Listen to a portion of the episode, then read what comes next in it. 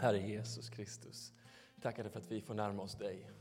För att när vi är här i gudstjänsten så handlar inte det om någonting annat än att vi vill mötas med varandra för att sätta vår blick på ett fokus på dig. Inte att vi har någon briljans, någon utav oss, eller att vi har någonting här annat som gynnar oss än att vi bara får komma i din närhet, Herre. Vi ber att det är vad som ska förändra och förvandla oss idag. Tack Herre för att du har kallat oss tillsammans och för att vi får vara här och lyssna till ditt ord just nu, i ditt namn. Vi läser ifrån Jona. Jona bok, det sista kapitlet, kapitel 4 och så vers 1. Då blev Jona mycket missnöjd. I vredesmod bad han till Herren. Herre, var det inte det här jag trodde, redan där hemma? Det var därför jag ville fly till Tarshish förra gången. Jag visste ju att du är nådig och barmhärtig, sen till vrede och rik på kärlek, beredd att ångra det onda du hotat med. Så ta mitt liv, Herre. Det är bättre för mig att dö än att leva. Herren sa, har du skäl att vara vred? Jonade lämnade staden och slog sig ner öster om den. Där byggde han sin hydda så att han, i skugga, så att han satt i skugga medan han väntade på att få se hur det skulle gå för staden. Herren Gud lät nu en kur, eh, ett kurbitsträd växa upp över Jona. Det skulle skugga hans huvud och befria honom från hans missnöje. Jona blev mycket glad över kurbitsen. Men i gryningen nästa dag lät Gud en mask angripa det, och det vissnade ner. Och i soluppgången lät Gud en glödhet östanvind blåsa. Solen brände Jonas huvud. Han var nära att svimma och önskade sig döden. Det är bättre för mig att dö än att leva, sa han. Då frågade Gud honom, har du skäl att vara vred för kurbitsens skull? Jonas svarade, jag har alla skäl i världen att vara vred. Herren sa, du bekymrar dig för ett träd som du inte har lagt ner något arbete på och som du inte har fått att växa. Som kom, där vi se, eh, som kom till på en natt och försvann på en natt. Skulle då inte jag bekymra mig om Nineve, denna stora stad där det bor över 120 000 människor, som inte ens kan skilja på höger och vänster och dessutom många djur. Hör så Herrens ord. Herre, vi ber dig att det ska ge oss liv. Amen. Varsågod och sitt.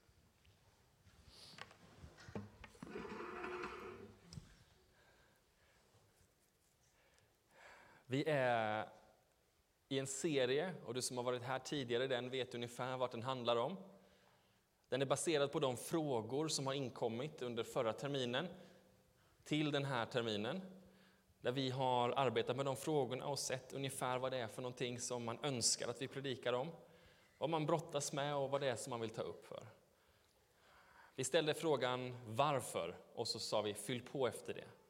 Och utifrån det så har vi ett längre tema med fyra stycken delrubriker. Vi har talat om att vara kallad, kallad till Kristus. Vi har talat om att kliva in i överlåtelse, att vara överlåtelsen i bönen, att vara, överlåtels, att vara överlåten i en rad delar. Sen så har vi talat om förra och förrförra veckan om att vara utrustad. Och sen så har vi gått vidare till den sista delen och den börjar idag och avslutas nästa vecka av Mäktig. där vi talar om att vara sänd. De två frågorna, de två ämnena som fick flest frågor, det var de rubrikerna som vi kallar för utrustad och sänd. Det är många som hade brottningar med hur klarar man av att leva livet i tron? Hur klarar man av att leva eh, livet tillsammans med den helige Ande och vad innebär det? Och det talade Daniel om först med rubriken Hjälp. Hjälparen som kan få hjälpa oss i livet. Och Barbro förtydligade det förra veckan där hon talade mer tydligt och mer kanske explicit om de andliga gåvorna och att du kan få ta del av det och dyka ner i det tillsammans med oss som församling. Idag så börjar vi tala om att vara sänd. Kallelsen är till Kristus, men så fort som vi kallas till honom sänds vi också ut. Det är som ett andetag. Vi andas in av honom. Men utan att andas ut så är det svårt att leva. Det går liksom inte bara att fylla på och fylla på och fylla på. Lungorna har en viss kapacitet. Så vi andas in. Och andas vi in en gång till så kanske vi klarar det, men en tredje gång är svårt. Till slut så måste vi också andas ut. Vi andas in för att kunna andas ut. Och Det här blir då en bild i det här sammanhanget av att du kan få ta del av Kristus. Du kan få ta del av det kristna livet. Men det naturliga utflödet är också att det tar sig uttryck på något sätt. Därför finns kallelsen till Kristus och sändningen från honom som en och samma process. Därför ska vi under två veckor nu tala om att vara sänd. Och vad är det vi är sända till? Jag tror aldrig jag har predikat utifrån Jona bok. Så det blir premiär idag. Jona bok är en ganska kort variant, så vill du säga att du har läst en bok i Bibeln så kan du ta den och läsa snabbt, för jag tror inte det går på mer än en kvart eller en halvtimme eller någonting. Den är på 58 versar, eh, totalt uppdelat på fyra kapitel, går jättesnabbt att ögna igenom. De flesta av oss kanske har hört den, även om man inte satt sin fot i kyrkan skulle jag säga man har hört om Jona bok. Därför att det var Jona som blev svald av den där stora fisken. Den har vi i alla fall hört om. Det är också den berättelse som inspirerade Pinocchio-berättelsen som också blev svald av en stor val. Så även om man inte har läst om Jona kanske man har läst om Pinocchio som i någon mening också är samma berättelse. Jona bodde i det delade riket. I den norra delen av det delade riket, i det som Jesus bodde ganska nära där, i Galileen, där bodde Jona. Det södra riket, Juda, hade gått in och blivit fiende med det norra riket som kallas Israel. Det norra riket var betydligt starkare, hade tio av de tolv stammarna. Men i det geopolitiska läget så hade det hänt ganska mycket den senaste tiden. Syrien hade dalat och assyrierna hade kommit upp som den stora eh, regenten i området. Assyrierna ligger ungefär i nutidens Irak. Där fanns det en stor stad som hette Nineve som var huvudstaden i det här väldiga riket som expanderade massivt. De kommande årtiondena skulle de ta över nästan hela den här regionen som fanns där. Damaskus höll på att falla och Israel höll på att invaderas. Juda gick och tänkte att det smartaste draget vi kan göra nu för att bli starkare än Israel är att sluta förbund med assyrierna. Så helt plötsligt sluter alltså Juda förbund med assyrierna och Israel som kungarike blir omgärdat av assyrierna och deras allierade på alla sidor. De är hårt pressade. I den här tiden så kliver Jona fram. Som en av profeterna, troligtvis kopplad till, till tempeltjänst eller det som motsvarande var det då i Israel. Och Gud talar till Jona.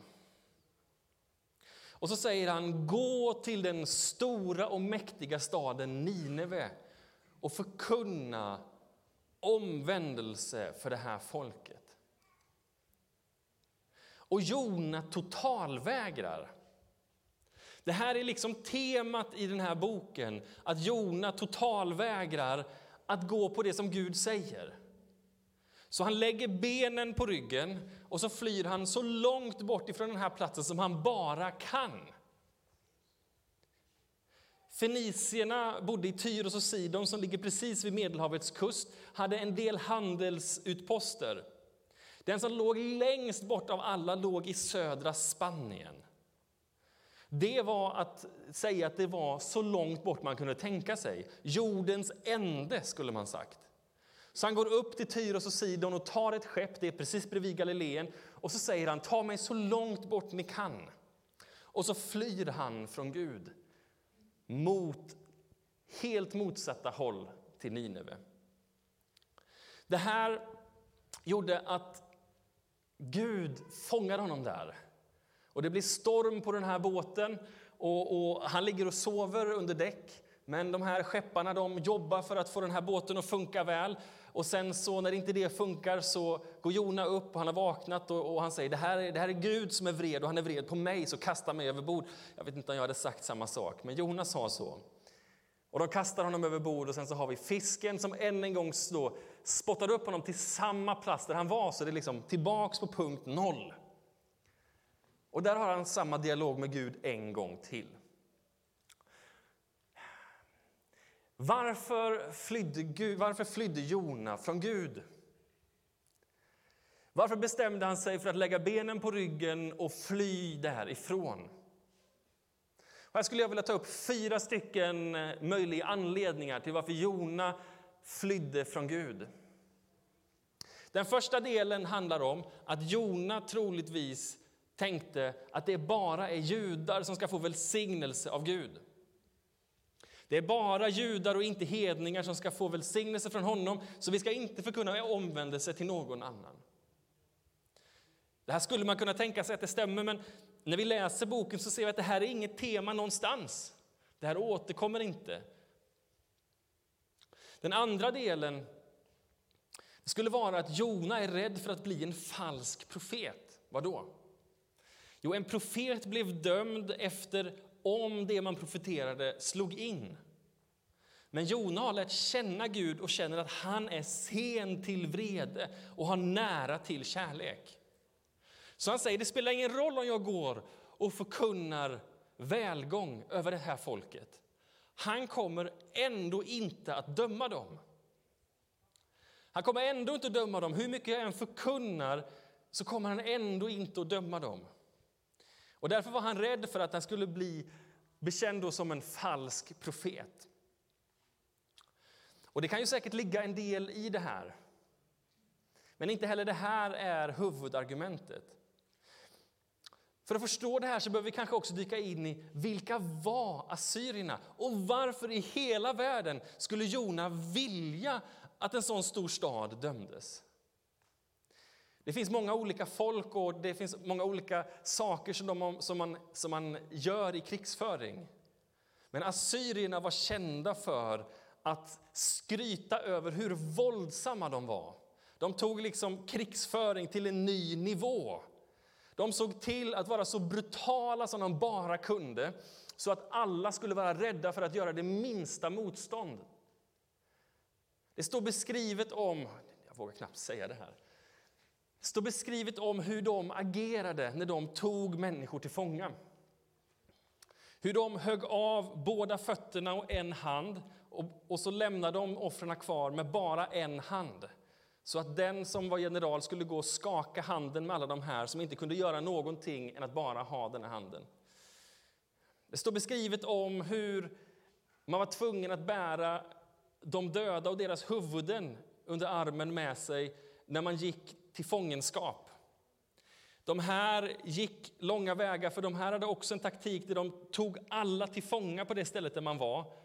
Och så fick man gå till ett annat land och bo där och så fick det huset som jag hade byggt upp, där som min familj hade bott, det fick ett annat folk ta. Det var också det som hände sen. Det finns en lång rad av de här hemska berättelserna som gjorde att assyrierna liksom spred skräck i hela det här området. Man valde att ge, ge sig redan innan striden hade börjat så att man slapp bli utsatt för alla de här sakerna. Därför var det här folket djupt fruktat.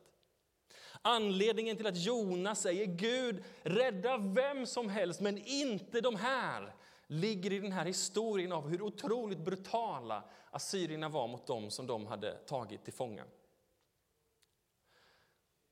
Det är också så här att skulle Jona gått och hjälpt det här folket då skulle han ju blivit anklagad som landsförrädare och skulle inte varit välkommen hem igen. Han skulle inte varit välkommen hem till sitt folk för att han hade hjälpt ett annat folk. Den tredje delen som man skulle kunna tala om är att troligtvis så skulle han kunna vara rädd själv, med all rätt. Att gå in i den här staden med 120 000 och tala om dom för folket och att det är dags att omvända sig, det kräver visst mod. Det ligger säkert någonting i alla de här delarna, men det som jag tror är anledningen till att Jona flyr, det är att han helt enkelt inte håller med Gud. Han tycker Gud har fel. Gör vad du vill, men visa inte nåd mot det där folket. Och om du vill det, då går jag åt andra hållet, för jag håller inte med. Det är inte rädsla. Det är inte att han inte vill vara en falsk profet. Det är att han säger, Gud, jag håller inte med. Du borde döma folket och inte visa försoning och förlåtelse.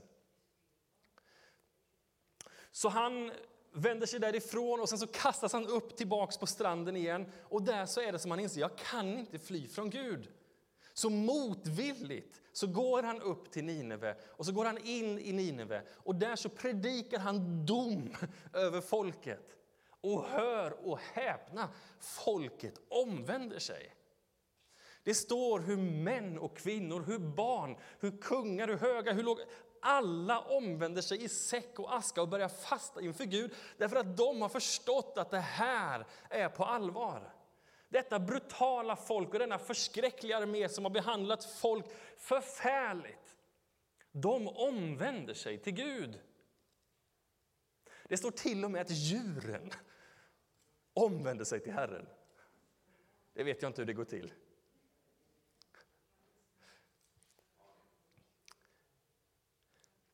Och Jona går nu ut och han är bekymrad, inte glad. Han är bekymrad för att Gud här har fått det han hade bett om. Det blir nog ingen straffdom här, men han går ut och ändå väntar på den. Så han sitter där på en höjd och ska kolla vad som händer med den här staden. Och efter att tiden har gått ut så ser han att det blev ingen dom. Och han är mäkta besviken. Han sitter där och känner att deras stora fiender som Gud borde tagit hand om, det har han inte gjort. Och då kommer vi till bokens slutkläm och poäng. Det växer upp ett träd som ger skugga över Jona. Och det här trädet gör honom glad. Han känner vad härligt att jag kan vara glad i en sån här jobbig situation. Nu har jag fått ett, ett, ett, ett träd som ger mig skugga när jag ska kolla på allt som händer här. Men dagen därpå så försvinner trädet och dagen därefter så kommer en stark och het vind emot honom så han sitter och plågas där. Och så säger han än en gång, nu vill jag dö. Och då kommer Gud till Jona och säger, du har inte fattat någonting. Det här trädet har inte du jobbat för. Det här trädet har inte du format, du har inte skapat det, men det har vuxit upp och det har gett dig lite skugga, lite glädje.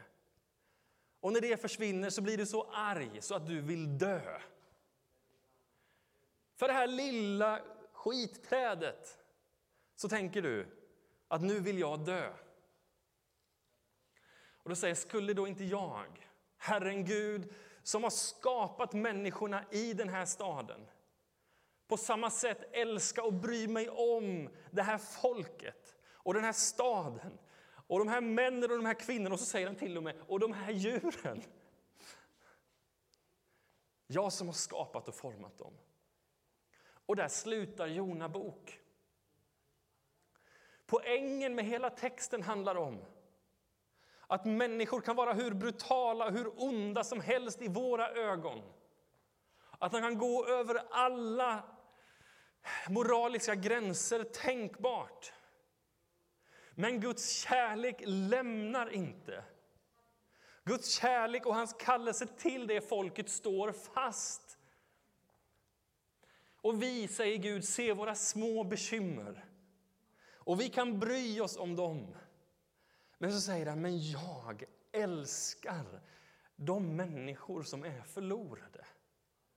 Jag älskar de människor som är förlorade. Skulle då inte jag bekymra mig om Nineve, denna stora staden där det bor över 120 människor som inte ens kan skilja på höger och vänster och dessutom många djur.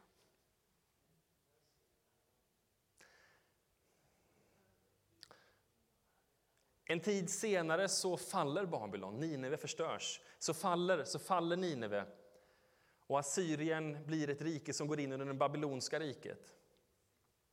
Kung Nebukadnessar kommer och jämnar den staden med marken och det blir ett nytt rike. Det här riket anfaller istället Juda. Judarike blir på samma sätt som Nordriket gick i exil så blev det södra Judarike också fört i exil, men inte till Assyrien utan till Babylonien. Folket där reagerar på samma sätt som Jona hade gjort. De vänder sig emot hela den här deportationen, och vem hade inte gjort det? De kommer till en stad full av gudar och till ett folk och en kultur som de inte har någonting med att göra. Och de vill inte ha någonting med den här kulturen att göra. De vill tillbaks till sitt land. De önskar förbannelse över det folket som har gjort allt detta onda över dem. Så när de har kommit till det här nya landet så bygger de sina bostäder utanför städerna. Så att de blir separerade från alla andra. Där bygger de sina städer. Men så kommer ett ord till Jeremia. Och Jeremia säger så här, så säger Herren Sebaot, Israels Gud, till alla de deporterade som han fört bort från Jerusalem till Babylon. Bygg er hus och bo i dem. Plantera trädgårdar och ät frukten från dem. Ta er hustrur och avla söner och döttrar. Ta hustrur åt era döttrar och ge era döttrar åt män så att de föder söner och döttrar. Bli fler och inte färre. Gör allt för att den stad jag har deporterat er till ska blomstra och be till Herren för den. För dess välgång är er välgång.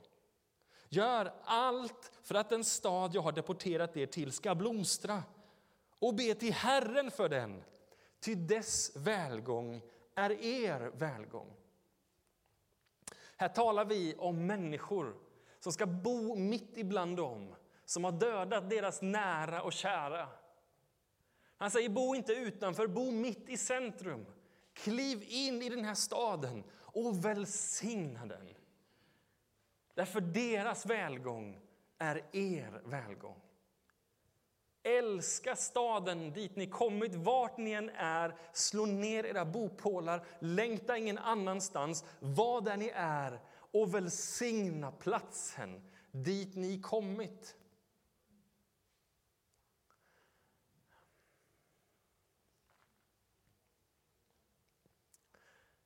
Det här är inte bara en kallelse till Jona inte bara en kallelse till det deporterade folket i Babylon utan är en kallelse djupt förankrad med oss som församling också. Att vart än vi går, vart vi än är hur folket än behandlar oss, hur mycket konstiga lagar som än stiftas och hur mycket vi än blir förföljda och behandlade, om nu det skulle hända, så ska vi stå kvar inte flytta på oss och vi ska välsigna platsen där vi står. För när det går bra för staden, då går det bra för oss. Och när det går bra för oss, då går det bra för staden. Och de två sakerna hänger ihop. Och Jesus talar om det här på ungefär samma sätt. Han säger i Matteus 15 och 13, ni, ni är jordens salt. Men om saltet mister sin kraft, hur ska man då få det salt igen? Det duger inte till annat än att kastas bort och trampas av människorna.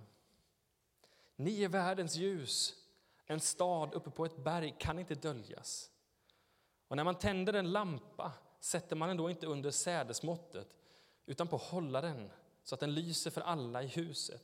På samma sätt ska ert ljus lysa för människorna så att de ser era goda gärningar och prisar er fader i himmelen. Jesus talar om salt och om ljus. Och Många tror här att han pekar på en sekt ute i öknen. En grupp iseer som bodde där döda havsrullarna hittades. Och så pekade han på dem och så sa han Gör inte som dem som försöker leva heliga, skilda från världen.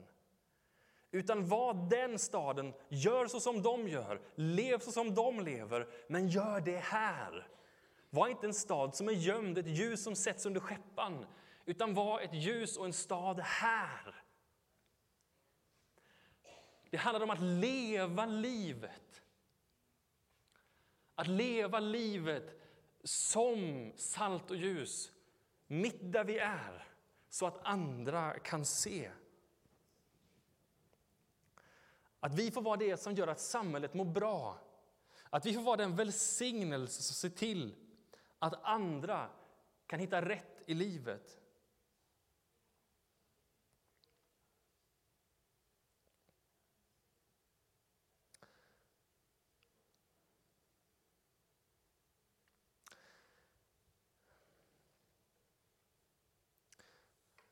Någonstans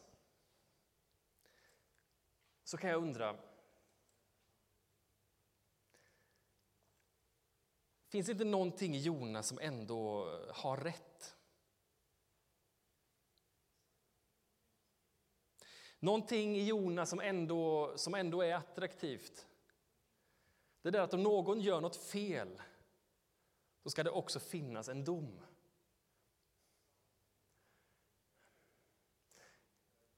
Upphäver inte, upphävs inte rättvisan i det när inte det onda får sitt straff?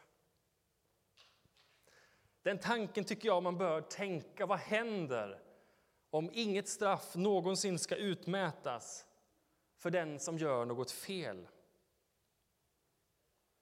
Hade inte Jona rätt ändå?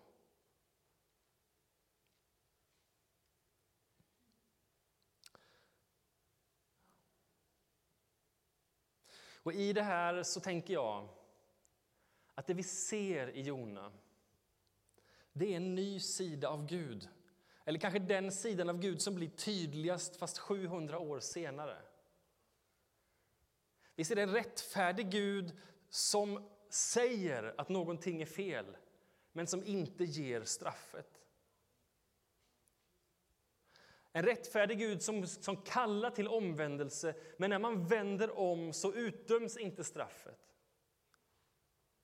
Och det här ser vi tydligare än någonting annat i korset. När vi ser hur Jesus Kristus kliver upp och ger sitt liv för oss, för våra fel, för våra brister. Visst gör assyrier fel. Visst gör babylonier fel. Visst finns det de som har gjort hemska saker i världen. Men vi skiljer oss inte från de människorna.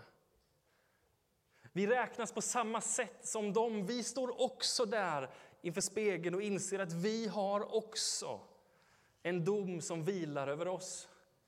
Även om det inte är över sakerna som vi gjort, över dem vi är och det vi tänker och det vi tycker och det vi känner. Det finns någonting i oss som ibland vill ge oss rätt fast vi inte har rätt.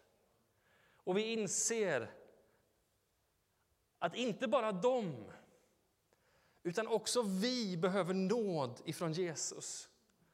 Även vi behöver försoning ifrån korset. Är inte det värsta som vi kan vara med om när vi backar bak och tänker att vi är bättre än alla andra. När vi backar åt sidan och säger vi vill inte vara med er. För att vi har kommit längre än vad ni har gjort. Ni är dåliga och ni kanske behöver nåd, men vi har klarat provet. Så vi skiljer oss ifrån er. Istället får vi säga vi behöver nåd. Och vi har fått den nåden. Och vi kan dela den nåden vidare till alla människor. Det skapar släktskap och inte avstånd. Det skapar närhet och inte distans. Att vi kan få möta människor från andra kulturer. Vi kan få möta människor i andra situationer och i andra sammanhang. Och vi kan få möta dem med ett broderskap ett broderskap i brustenheten. Där vi inser att vi är en av alla dessa som är brustna och som är fallna och som inte har rätt att kalla oss goda människor.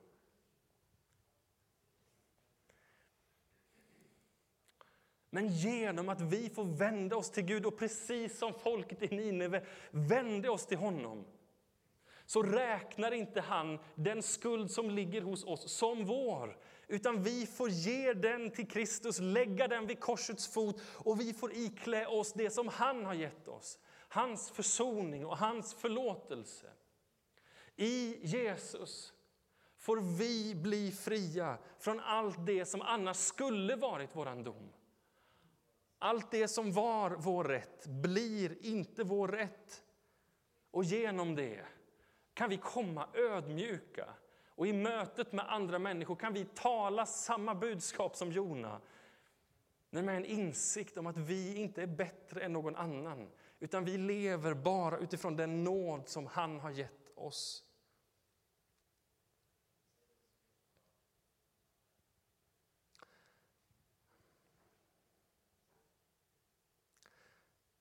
Med den insikten, med den insikten att vi inte är bättre än andra, men vi har fått någonting som kan få bli till välsignelse för andra. Så tror jag att vi kan få betyda enormt mycket vart vi än går fram. Vi kan få bli till helande och läkedom. Vi kan få hjälpa människor på platser dit vi aldrig trodde att vi skulle gå eller där vi aldrig trodde att vi skulle bli kallade. En av de texter som var mest citerade tidigt i pingströrelsen är Hesekiel 47. Hesekiel, som också är i fångenskapen, tas till Jerusalem där allting är i ruiner. Den här platsen där han har varit på, men där han har sett att allting är sönder. Och Gud bygger inför hans ögon upp ett nytt tempel på den platsen. Och så ser han att under templets fot så flyter en ström fram. En ström som blir starkare och starkare ju längre den flyter ut mot öster. I öster, för er som kan Israels geografi, är det bara öken. Ju längre man kommer, ju närmare kommer man till Döda havet, där det bara är död. Det finns inget liv, ingen fisk, ingenting. Man kan använda det till saltkälla, men inte så mycket mer. Men templets källa, som flyter ut ifrån Jerusalem och vidare österut, leder till liv. Så här står det. Han sa till mig, ser du människa? Han förde mig tillbaka till strandbanken. Då jag kom tillbaka såg jag att det hade vuxit tätt med träd längs flodens båda stränder. Han sa till mig, detta vatten flyter fram genom landet österut. Det strömmar ner i Jordandalen och rinner sedan ut i havet, alltså Döda havet, så att det salta vattnet där blir friskt. Där floden rinner ut ska det vimla av liv i vattnet. Fisk ska finnas i överflöd. Där detta vatten rinner ut blir allt vatten friskt. Där floden rinner ut kan allt leva. Fiskare ska stå längs stranden, från Engedi till Engajim ska deras nät ligga på tork. Fisk av alla dess slag ska finnas där i samma överflöd som i Medelhavet. Men gölar och dammar ska inte bli friska, de ska tjäna som utvinning till salt. Längs floden, ut med båda, stränd, båda stränderna, ska alla slags fruktträd växa. Deras blad ska inte vissna och deras frukt ska aldrig ta slut. Varje månad blir deras frukt ny, ty det, finns, eh, ty det får sitt vatten från helgedomen. Deras frukt ska, fö, ska ge föda och deras blad ska ge läkedom. Utifrån templet som blir nyupprättat flyter en flod till platser som var döda och det kommer liv. De platser som har varit döda i hundratals år, där kommer det liv.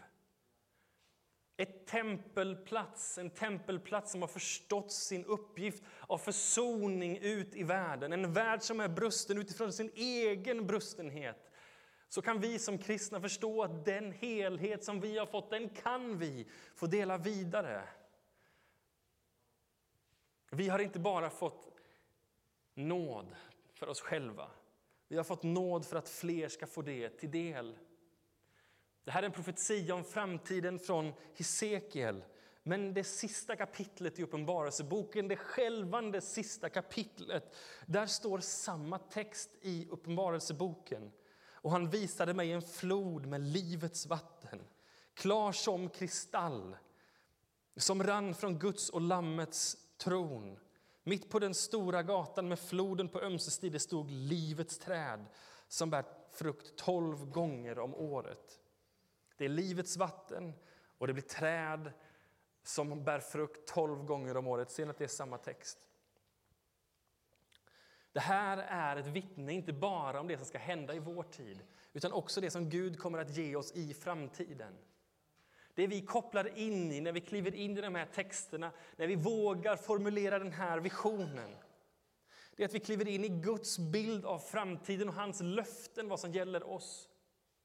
Om vi vågar ta Jona berättelse på allvar men inte fly från vår kallelse utan gå till folk som vi kanske inte tycker förtjänar det. Men utifrån insikten att vi har fått och vi är vidare så vill Gud skapa liv vart än vi går. Han vill skapa liv och upprättelse på alla platser där vi står. Det är vår bön.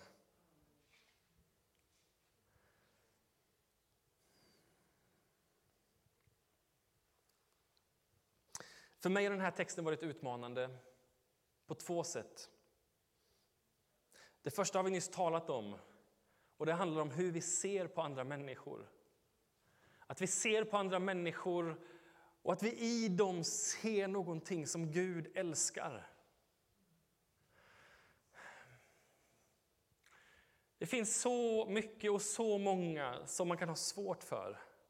Av olika orsaker. Jona hade mycket godare anledningar än jag har.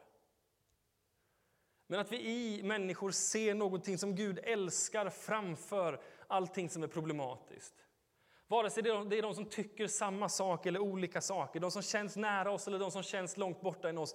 Vi vet att det finns människor som är svåra och mindre liksom lätta att ha att göra med. Men att vi då får påminna oss om Jona ord. Skulle då inte jag som har skapat de här människorna älska dem? Och detta får bli en bön till dig och mig. Gud, ge oss ditt hjärta för människor. Gud, låt oss få kliva in i en tid då vi söker ditt hjärta för dem som vi har svårt att tycka om. De som vi har svårt att uppskatta, de som vi känner att vi verkligen har svårt att vara ens i deras närhet. Precis som judarna som byggde deras hus långt bort ifrån den här nya staden för man inte ville bo i närheten. Kanske är det så att det finns en sån person i ditt liv. Så fort du tänker på den personen så skaver det. Kanske är det så att Gud har lagt just den personen på ditt hjärta. Kanske är det så att du ska be just extra för den personen den här veckan som kommer. Herre, välsigna honom. Herre, välsigna henne. Låt mig få bli till välsignelse i den situationen. Och låt mig inse att jag inte är bättre än den personen.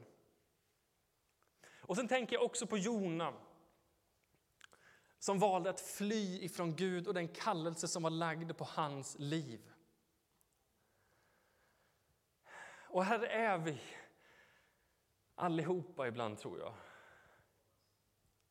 Att det finns någonting som du kanske upplever Gud har lagt på ditt hjärta. Någonting som du i vissa perioder känner tydligare och mindre tydligt andra perioder. Men där du egentligen vet att Gud har lagt någonting på ditt hjärta. En kallelse på ditt liv.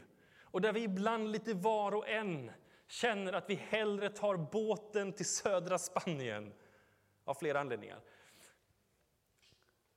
än att följa det som Gud har kallat oss till. Kanske har du en anledning som är väl så motiverad. Jona hade åtminstone fyra anledningar och du kan säkert rabbla upp dem för dig också.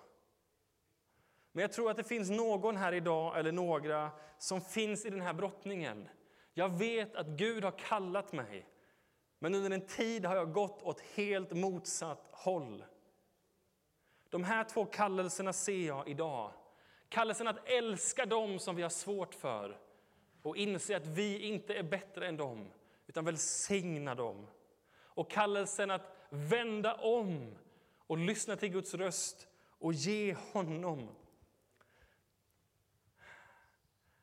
det liv som han vill ha. Vänner, ska vi ställa oss upp tillsammans?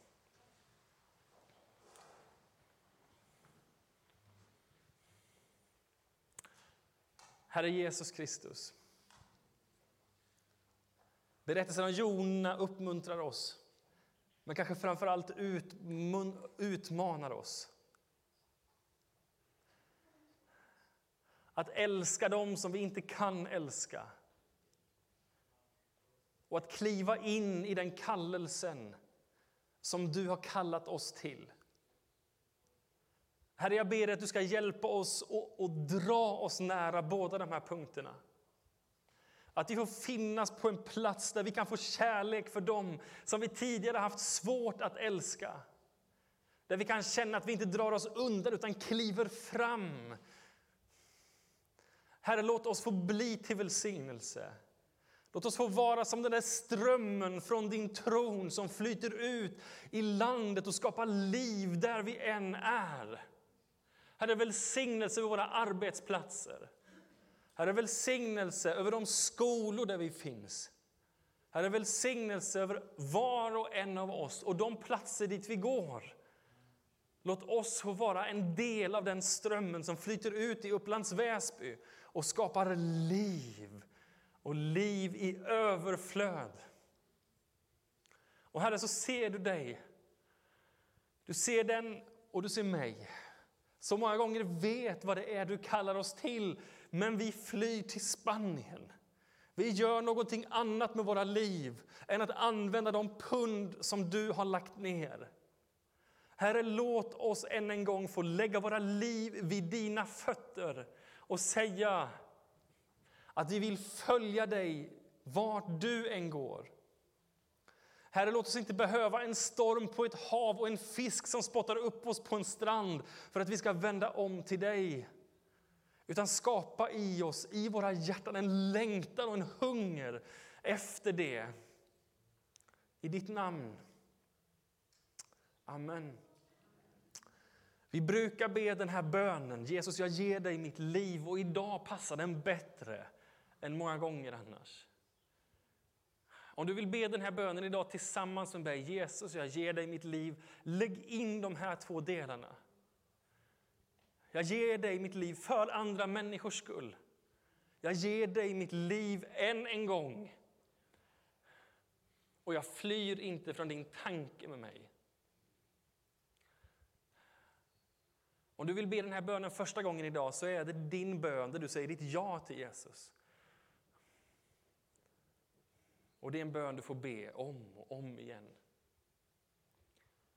Om du ber den första gången idag får du jättegärna komma fram till mig efteråt och nämna det. Låt oss be den bönen tillsammans på tre. Ett, två, tre. Jesus, jag ger dig mitt liv. Jesus, jag ger dig mitt liv. Herre Jesus, tack för alla de avgöranden och alla de beslut som vi fått göra i våra hjärtan idag. Vi ber dig att du ska låta oss älska och låta oss leva det liv som du har planerat. I Jesu namn. Amen. Vi kan stå kvar, vi ska gå in i nattvard. Ni som ska dela nattvard är välkomna fram. Det finns förbön här vid sidan. När Jesus kommer till sina lärjungar så vet han att det här är det sista som han kommer att fira tillsammans med sina lärjungar. Han knyter an till historien om Israels folk som blev befriade från Egypten. Och han sträcker sig framåt till en evighet tillsammans med honom. Allting fullbordas i korset och vi får kliva ner i dopgraven och omslutas av Jesu död och uppstå tillsammans med honom. Och efter det så blir varje nattvard en påminnelse om det första dopet, om uttåget ur Egypten och också om att vi en gång får mötas i härligheten. Den natt då Herren Jesus blev förrådd så tog han ett bröd. Han tackade Gud, han bröt det och han sa ta och ät. Detta är min kropp. Gör det till minne av mig.